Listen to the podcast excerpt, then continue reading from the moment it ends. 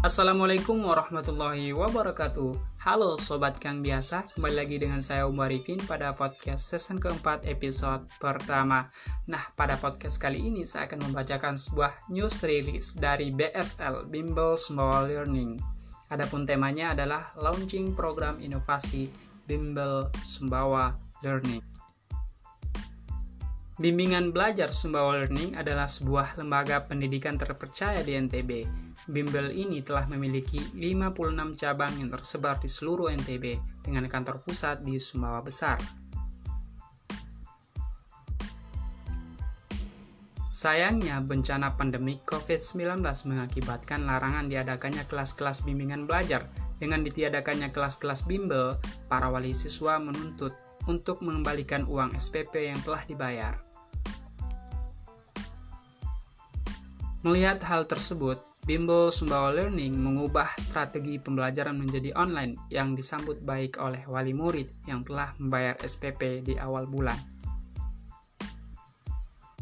Oleh karena itu, tepat pada hari ini, 11 November 2020, di tengah situasi kritis ini, Bimbel Sumbawa Learning akan meluncurkan 5 program inovasi pembelajaran jarak jauh untuk menarik kembali minat belajar para murid dan juga ikut membantu mengurangi beban belajar yang dirasakan. Adapun lima program inovasi tersebut sebagai berikut. Yang pertama, paket Internet Distance Education. Yang kedua, Web Distance Education. Yang ketiga, pembelajaran berbasis web kursus. Yang keempat, pembelajaran berbasis video. Yang kelima, fun e-learning. Itulah beberapa program inovasi yang akan diluncurkan. Dengan adanya program inovasi tersebut, dapat memberikan manfaat dan dapat mengurangi beban orang tua pelajar. Demikian news release yang dapat saya sampaikan melalui podcast kali ini. Semoga bermanfaat, semoga dapat tersampaikan.